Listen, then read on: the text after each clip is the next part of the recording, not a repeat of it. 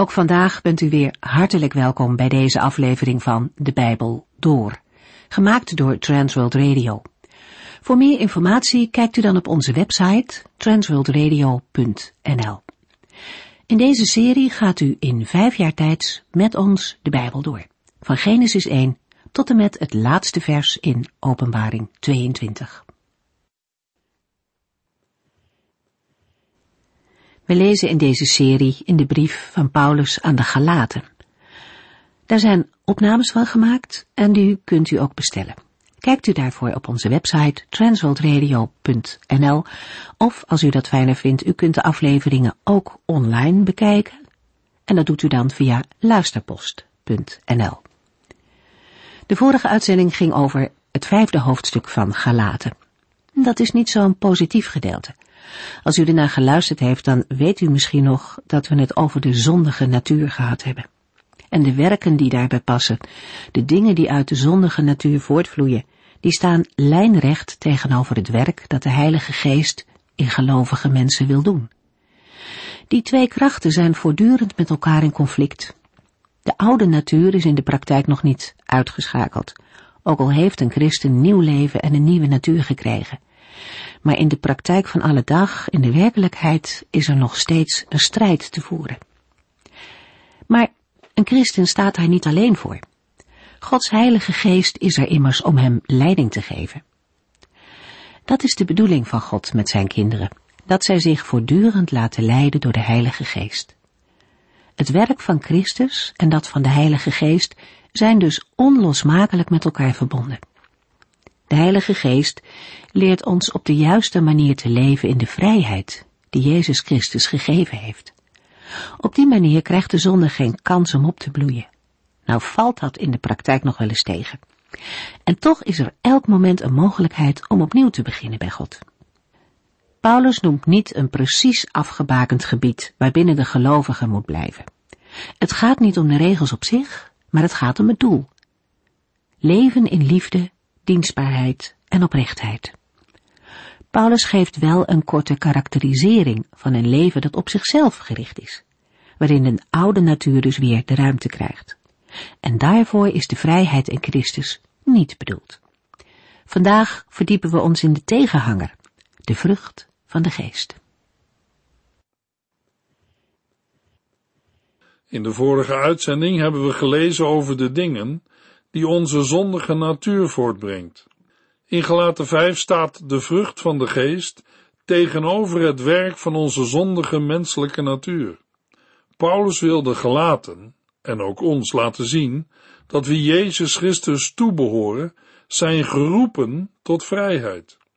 Maar de christelijke vrijheid heeft niets met losbandigheid te maken. De christelijke vrijheid moet door de vrucht van de Heilige Geest worden gekenmerkt. Daarin komen de twee hoofdpijlers van Gods wet op een treffende manier naar voren. Het gaat om het liefhebben van de Heere boven alle andere dingen en het liefhebben van de medemens, de naaste. Daarin is de hele wet van God vervuld. Zo mogen christenen ook elkaar dienen, door de liefde, en in Gods liefde in woord en daad uitdragen en verkondigen in de wereld, tot eer van de Heere en heil voor de naaste. In de voorgaande verse hebben we gelezen dat het elkaar niet verdragen het bewijs is dat mensen niet leven in de geest van Christus. Het gevolg daarvan is dat een gelovige dan ook niet leeft in de vrijheid die Christus heeft geschonken. Een dergelijke zelfzuchtige levenshouding, die de ander nauwelijks het leven gunt, komt voor bij een wettische levensinstelling. Als een gelovige niet wandelt in gehoorzaamheid aan de Heilige Geest, dan zal de zon de kans krijgen zich uit te leven. Paulus geeft in Efeziërs 2 vers 1 tot en met 5 een nadere invulling van deze dingen. Ook u bent door hem, dat is Christus, tot leven geroepen, u die eigenlijk al dood was, omdat u niet leefde zoals God wilde u liep met de grote massa van deze wereld mee en deed dezelfde slechte dingen als zij. U gehoorzaamde de duivel, de leider en vorst van de geestelijke machten in de lucht, die nu nog actief is in de mensen die God ongehoorzaam zijn. Zo was het ook met ons. We hebben allemaal aan onze slechte begeerten toegegeven. We hebben allemaal gedaan wat ons egoïsme ons ingaf. Door naar onze eigen natuur te leven, waren wij van nature onderworpen aan Gods toorn. Maar Gods liefde voor ons is zo groot, dat Hij ons volledig gratie heeft verleend, zelfs al waren wij door onze overtredingen dood voor Hem. Hij heeft ons samen met Christus levend gemaakt. Wat een genade! Dat u gered bent is enkel en alleen genade van God. We hebben ook gelezen dat onze zondige neigingen ingaan tegen de verlangens van de Heilige Geest en omgekeerd. In die strijd tussen de oude en nieuwe natuur moet een gelovige positie kiezen. Hij of zij mag zich maar niet overgeven aan de bij hem of haar opkomende verlangens. We hebben daar een voorbeeld van gelezen in Romeinen 7, uit Paulus' eigen leven. Ook de apostel Jacobus schrijft aan de Joodse christenen uit de twaalf stammen, die over de hele wereld verstrooid zijn. Maar hoe komt het dan dat u altijd ruzie maakt en vecht? Omdat er slechte verlangens in u zijn die u daartoe aanzetten. U verlangt naar iets dat u niet hebt. U bent tot moord geneigd en jaloers en dat levert u niets op. U bent strijdlustig en oorlogzuchtig. Maar de reden dat u niet hebt wat u wilt, is omdat u God er niet om vraagt. Of u bidt hem er wel om, maar krijgt niets. Wel, dan hebt u het op een verkeerde manier gevraagd. Als u hem alleen iets voor uw eigen genoegens vraagt, geeft hij het niet. Bedriegers, weet u niet dat als u vriendschap met de wereld sluit, dit betekent dat u een vijand van God bent? Wie voor de wereld kiest, maakt zichzelf tot vijand van God. De andere kant is dat een mens zich mag laten leiden door de Heilige Geest. Gelaten 5, vers 22 en 23. Maar de Heilige Geest brengt ons tot betere dingen. Liefde, blijdschap, vrede, geduld, vriendelijkheid, mildheid, trouw, tederheid en zelfbeheersing. Er is geen wet die zulke dingen veroordeelt. Tegenover de zondige neigingen van onze oude natuur staat de vrucht van de Heilige Geest. Maar de Heilige Geest brengt ons tot betere dingen. Voor het woord dingen staat in het Grieks het woord vrucht, in het enkelvoud. Het is jammer om daaraan voorbij te gaan, omdat juist het enkelvoud aangeeft dat de Heilige Geest zelf de schenker is van de genoemde dingen. Het enkelvoud legt nadruk op de ene bron, want in al die verschillende facetten van het werk van de Heilige Geest gaat het erom dat we Christus zelf aan het werk zien. Immers, de Heilige Geest verheerlijkt steeds de Vader en de Zoon. De liefde opent de rij van de vrucht van de Geest. Vanwege vers 6 en 13 en de parallel met 1 Corinthians 13 vers 4 tot en met 6 mogen we de liefde wel het samenvattende kenmerk noemen, waardoor de hele vrucht van de geest wordt gekarakteriseerd. De liefde zoekt zichzelf niet en staat zo recht tegenover de zondige menselijke natuur. De blijdschap is de vreugde over de verlossing in Christus, de bron van de liefde en alle verdere dingen. De vrede ziet op de heelheid, de ongebrokenheid van de relatie tussen de Heere en de gelovigen, als ook de onderlinge band met de medebroeders en zusters. In Gelaten 4 vers 6 heeft de apostel die band al aangegeven door te wijzen op het feit dat de gelovigen de Heere mogen aanspreken met vader. In het geduld, de vriendelijkheid en de goedheid letten de gelovigen eerst op het belang van de ander voordat zij naar zichzelf kijken. Het woord trouw heeft gezien het verband primair de betekenis van trouw tegenover mensen. Het is duidelijk dat de grond hiervoor, net als bij alle andere facetten van de vrucht van de geest, ligt in de relatie met God.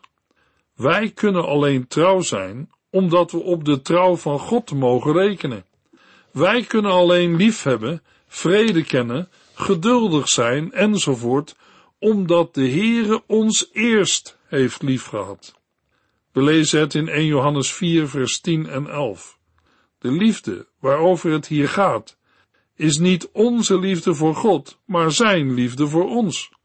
Daarom stuurde hij zijn zoon, die de straf voor onze zonde op zich heeft genomen, om de verhouding tussen God en ons weer goed te maken. Omdat God ons zo heeft liefgehad, moeten wij elkaar ook lief hebben. Maar de Heilige Geest brengt ons tot betere dingen. Mildheid, trouw, tederheid en zelfbeheersing. Mildheid wordt met een ouder woord ook wel zachtmoedigheid genoemd. Het is de milde gezindheid die staat tegenover een strijdlustige geldingsdrang. In Gelaten 6 vers 1 is het een typerend kenmerk van gelovigen die uit de geest leven. Zelfbeheersing is tegenover losbandigheid een kenmerk van ware vrijheid die de Heilige Geest schenkt. Zelfbeheersing is later wel geïnterpreteerd als het kenmerk van een gode welgevallig en waardig leven. Het werd gezien als het maximale wat in dit leven kon worden bereikt. Kloosterlingen en kluizenaars legden er getuigenis van af. Maar het staat gevaarlijk dicht bij de ascetische eisen van de dwaalleraren. Paulus' oproep tot ingetogenheid en zelfbeheersing maakt niet ieder genieten van wat God schenkt tot een zonde. Wat Paulus wel uitsluit, is een levenshouding waaruit eigen genot tot een doel in zichzelf wordt, of zelfs tot een norm wordt verheven. Zij die zich door de Heilige Geest laten leiden, vervullen de wet van de Heere in de dagelijkse praktijk van hun leven. Daarom kan en is de wet voor een gelovige geen bedreiging. Voor een volgeling van Jezus Christus is de wet een leidraad. Daarin is te zien hoe de liefde concreet kan worden, en is het houden van de wet geen middel om het zelf met God in orde te maken. Deze laatste gedachte is door het gebruik van het woord vrucht en door Paulus' principiële uitgangspunt in de vrijheid uitgesloten. De vrijheid die Christus geeft, is een geschonken vrijheid en met hem verbonden. Er is geen vrucht zonder Christus, ook de vrucht van de Heilige Geest niet. Johannes 15 vers 5 zegt de heiland, ik ben de wijnstok en jullie zijn de ranken. Als jullie in mij blijven en ik blijf in jullie, brengen jullie veel vrucht voort, want zonder mij kunnen jullie niets doen. Op allerlei manieren heeft de Heer Jezus zijn leerlingen duidelijk gemaakt dat hij vrucht wil in het leven van zijn volgelingen. In de gelijkenis van de zaaier sprak de Heer over zaad dat dertig, zestig en honderd keer meer opbrengt dan er was gezaaid. Voor een gelovige vandaag wordt die vrucht ook voortgebracht door de Heer Jezus. Hij gebruikt daarvoor de Heilige Geest in ons leven. De oude natuur kan de vrucht van de Heilige Geest niet voortbrengen. Paulus heeft in Romeinen 7 vers 18 duidelijk gemaakt dat hij uit zichzelf, zijn oude natuur, het goede niet kon doen. Hij zegt, ik wil het wel, maar ik kan het niet. Dat is ook ons probleem. Hoe doe je het? Hoe kan een mens de Heilige Geest de vrucht van de Geest in zijn of haar leven laten voortbrengen? Het antwoord is duidelijk. Dat kan een mens niet. Dat doet de Heere zelf. Hij zegt, want zonder mij kunnen jullie niets doen. Als we nog even doorgaan met het onderwerp vrucht dragen, dan zien we dat de Heer Jezus in Johannes 15 een aantal interessante dingen laat zien, die op zich logisch zijn, maar ook onmisbaar om werkelijk vrucht te dragen. Over het eerste punt hebben we het al gehad. Zonder Jezus Christus is er geen vrucht. In het begin van Johannes 15 komen we nog meer belangrijke zaken tegen. Bij het overdenken van vrucht dragen zullen we ons moeten realiseren dat alleen Jezus Christus de echte wijnstok is en zijn vader de wijnbouwer. En wij, de gelovigen? Gelovigen worden geënt op de echte wijnstok, Christus. Een mens is niet automatisch een rank aan de wijnstok. Hij of zij moeten worden geënt op de wijnstok. Dit enten kunnen we zien als tot geloof komen, opnieuw geboren worden. Verder lezen we in Johannes 15 vers 2 dat er met de ranken van alles gebeurt. Er wordt gesnoeid en weggekapt om er nog meer vruchten aan te laten komen. En wie doet dat? Uit het verband van Johannes 15 blijkt dat de wijnbouwer, de vader, dat doet. In vers 5 wordt nog een belangrijke boodschap voor de ranken verwoord. Ik ben de wijnstok en jullie zijn de ranken. Als jullie in mij blijven en ik blijf in jullie, brengen jullie veel vrucht voort. Bij het lezen en bespreken van het Johannesevangelie hebben we het bij deze tekst al gezegd, maar ik wil het graag herhalen. Vrucht dragen is het logische gevolg van het blijven in Jezus Christus. Niemand verbaast zich daarover als er aan een appelboom appelen groeien. Als ze er niet aan groeien, gaan we terug naar het tuincentrum en vragen naar de oorzaak.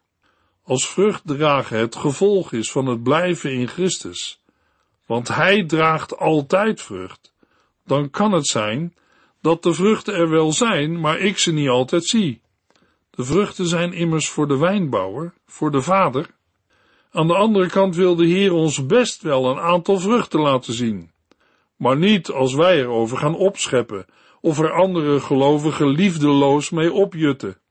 Juist uit de liefde komen alle andere dingen van de Heilige Geest voort. Paulus schrijft in het hoofdstuk over de liefde van God, 1 Corinthians 13 vers 1, als ik wel de talen van de mensen en engelen zou spreken, maar geen liefde heb, klink ik als een dreunende gong of een schelle cymbaal. Een gelovige kan geen vrucht voortbrengen of zijn of haar gaven in praktijk brengen zonder de liefde. Paulus gaat in 1 Corinthians 13 verder. Als ik mijn lichaam geef om te worden verbrand, maar geen liefde heb, dan heb ik er niets aan. Echte liefde is niet op zichzelf gericht. Ze doet niet gewichtig en is niet trots. Ze kwetst niet, is niet egoïstisch en voelt zich nooit beledigd. Zij neemt niemand iets kwalijk. Ze is niet blij met onrecht, maar juist met de waarheid. Met de gaven en de vrucht van de Heilige Geest mogen gelovigen zich inzetten voor kerk en samenleving. Gelaten 5, vers 22 en 23. Maar de Heilige Geest brengt ons tot betere dingen. Liefde, blijdschap, vrede, geduld, vriendelijkheid, mildheid, trouw, tederheid en zelfbeheersing. Er is geen wet die zulke dingen veroordeelt. Als een gelovige zich naar waarheid door Gods geest en zijn woord laat leiden, dan is er geen wet die zulke dingen veroordeelt. Geen wereldse wet en ook geen wetten van de Joodse dwaalleraren kunnen dat tegenhouden of veroordelen. Blijft nog wel de ontdekkende vraag voor u, jou en mij. Dragen wij als gelovigen werkelijk vrucht die de Heere wil zien? Jezus vertelt in Lucas 13 een gelijkenis over een vijgenboom. We lezen in vers 6 tot en met 9. Iemand had een vijgenboom in zijn tuin geplant en ging regelmatig kijken of er vijgen aankwamen. Maar nee, er was geen vijg te zien. Ten slotte zei hij tegen zijn tuinman, hak die boom om. Ik wacht nu al drie jaar en heb nog steeds geen vijg gezien. Ik heb er genoeg van. De boom neemt alleen maar plaats in. Wij kunnen die grond beter voor iets anders gebruiken. Maar de tuinman antwoordde, laat hem nog één jaar staan. Ik zal hem extra goed verzorgen en mest geven. Stel u voor dat er volgend jaar vijgen aankomen.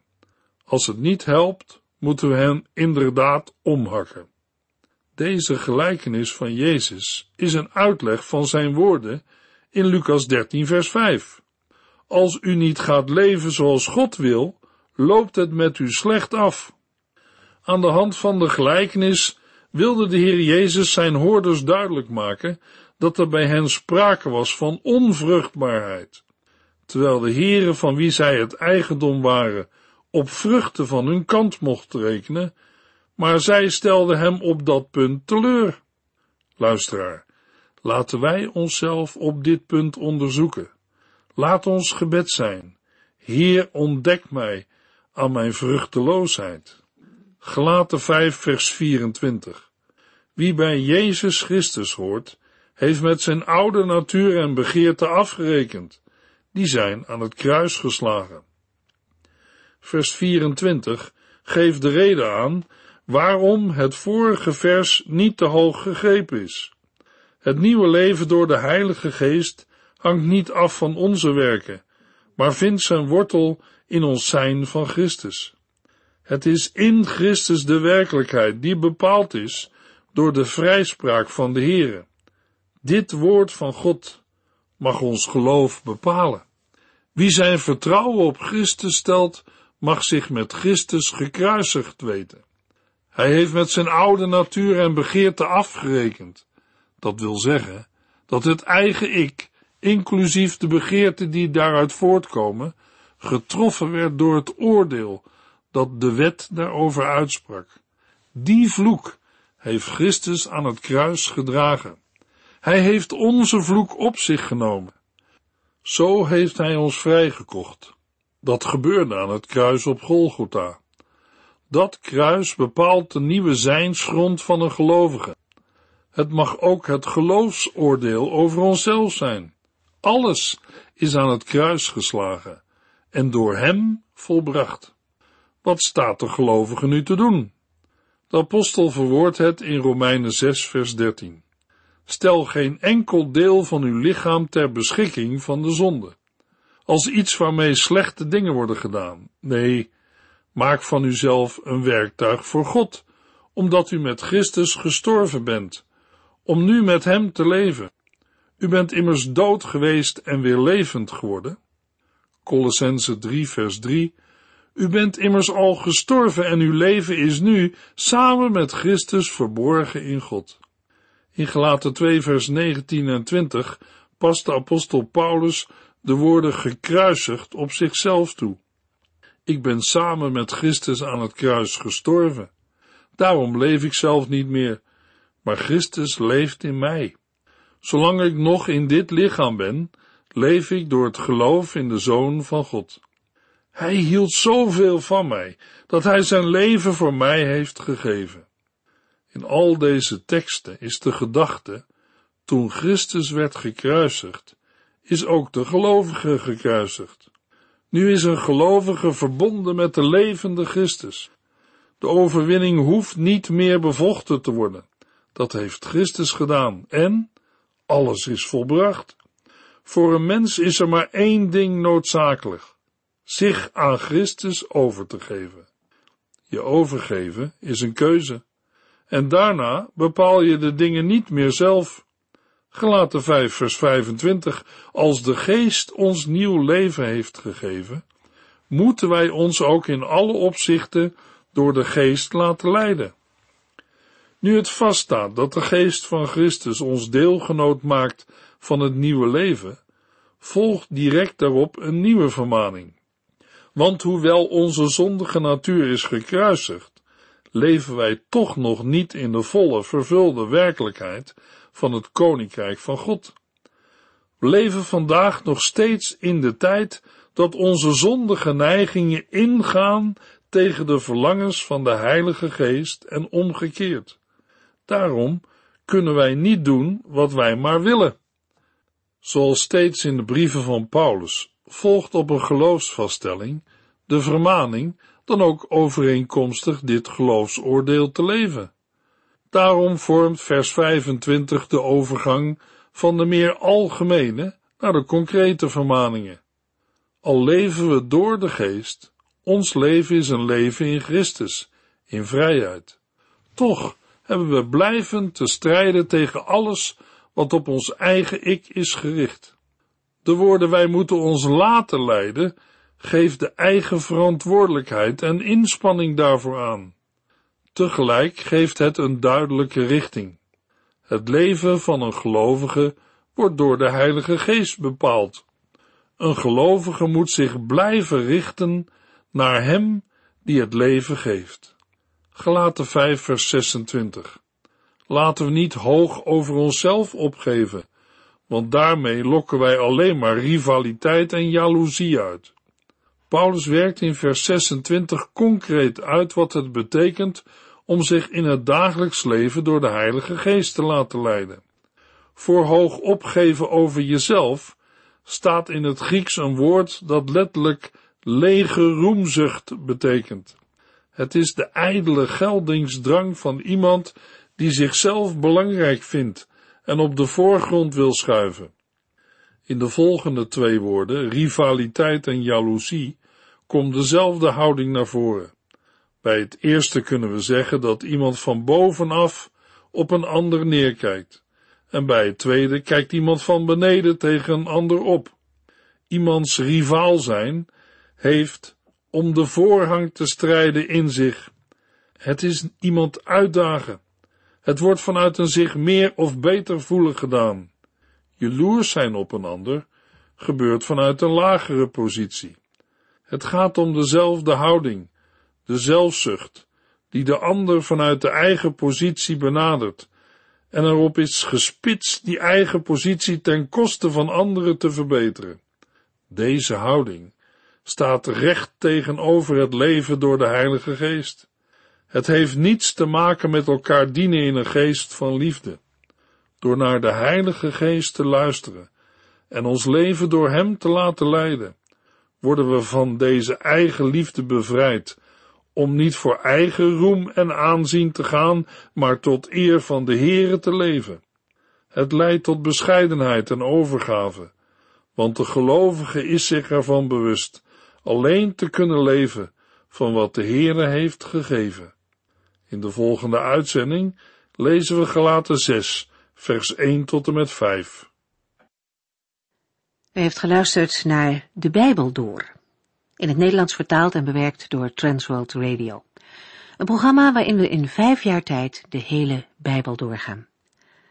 Als u wilt reageren op deze uitzending of u heeft vragen, dan kunt u contact met ons opnemen. Tijdens kantooruren kunt u bellen op 0342 47 8432. 0342 47 8432. Ook kunt u een e-mail sturen naar de Bijbel door at transworldradio.nl en natuurlijk kunt u ook via de post ons bereiken.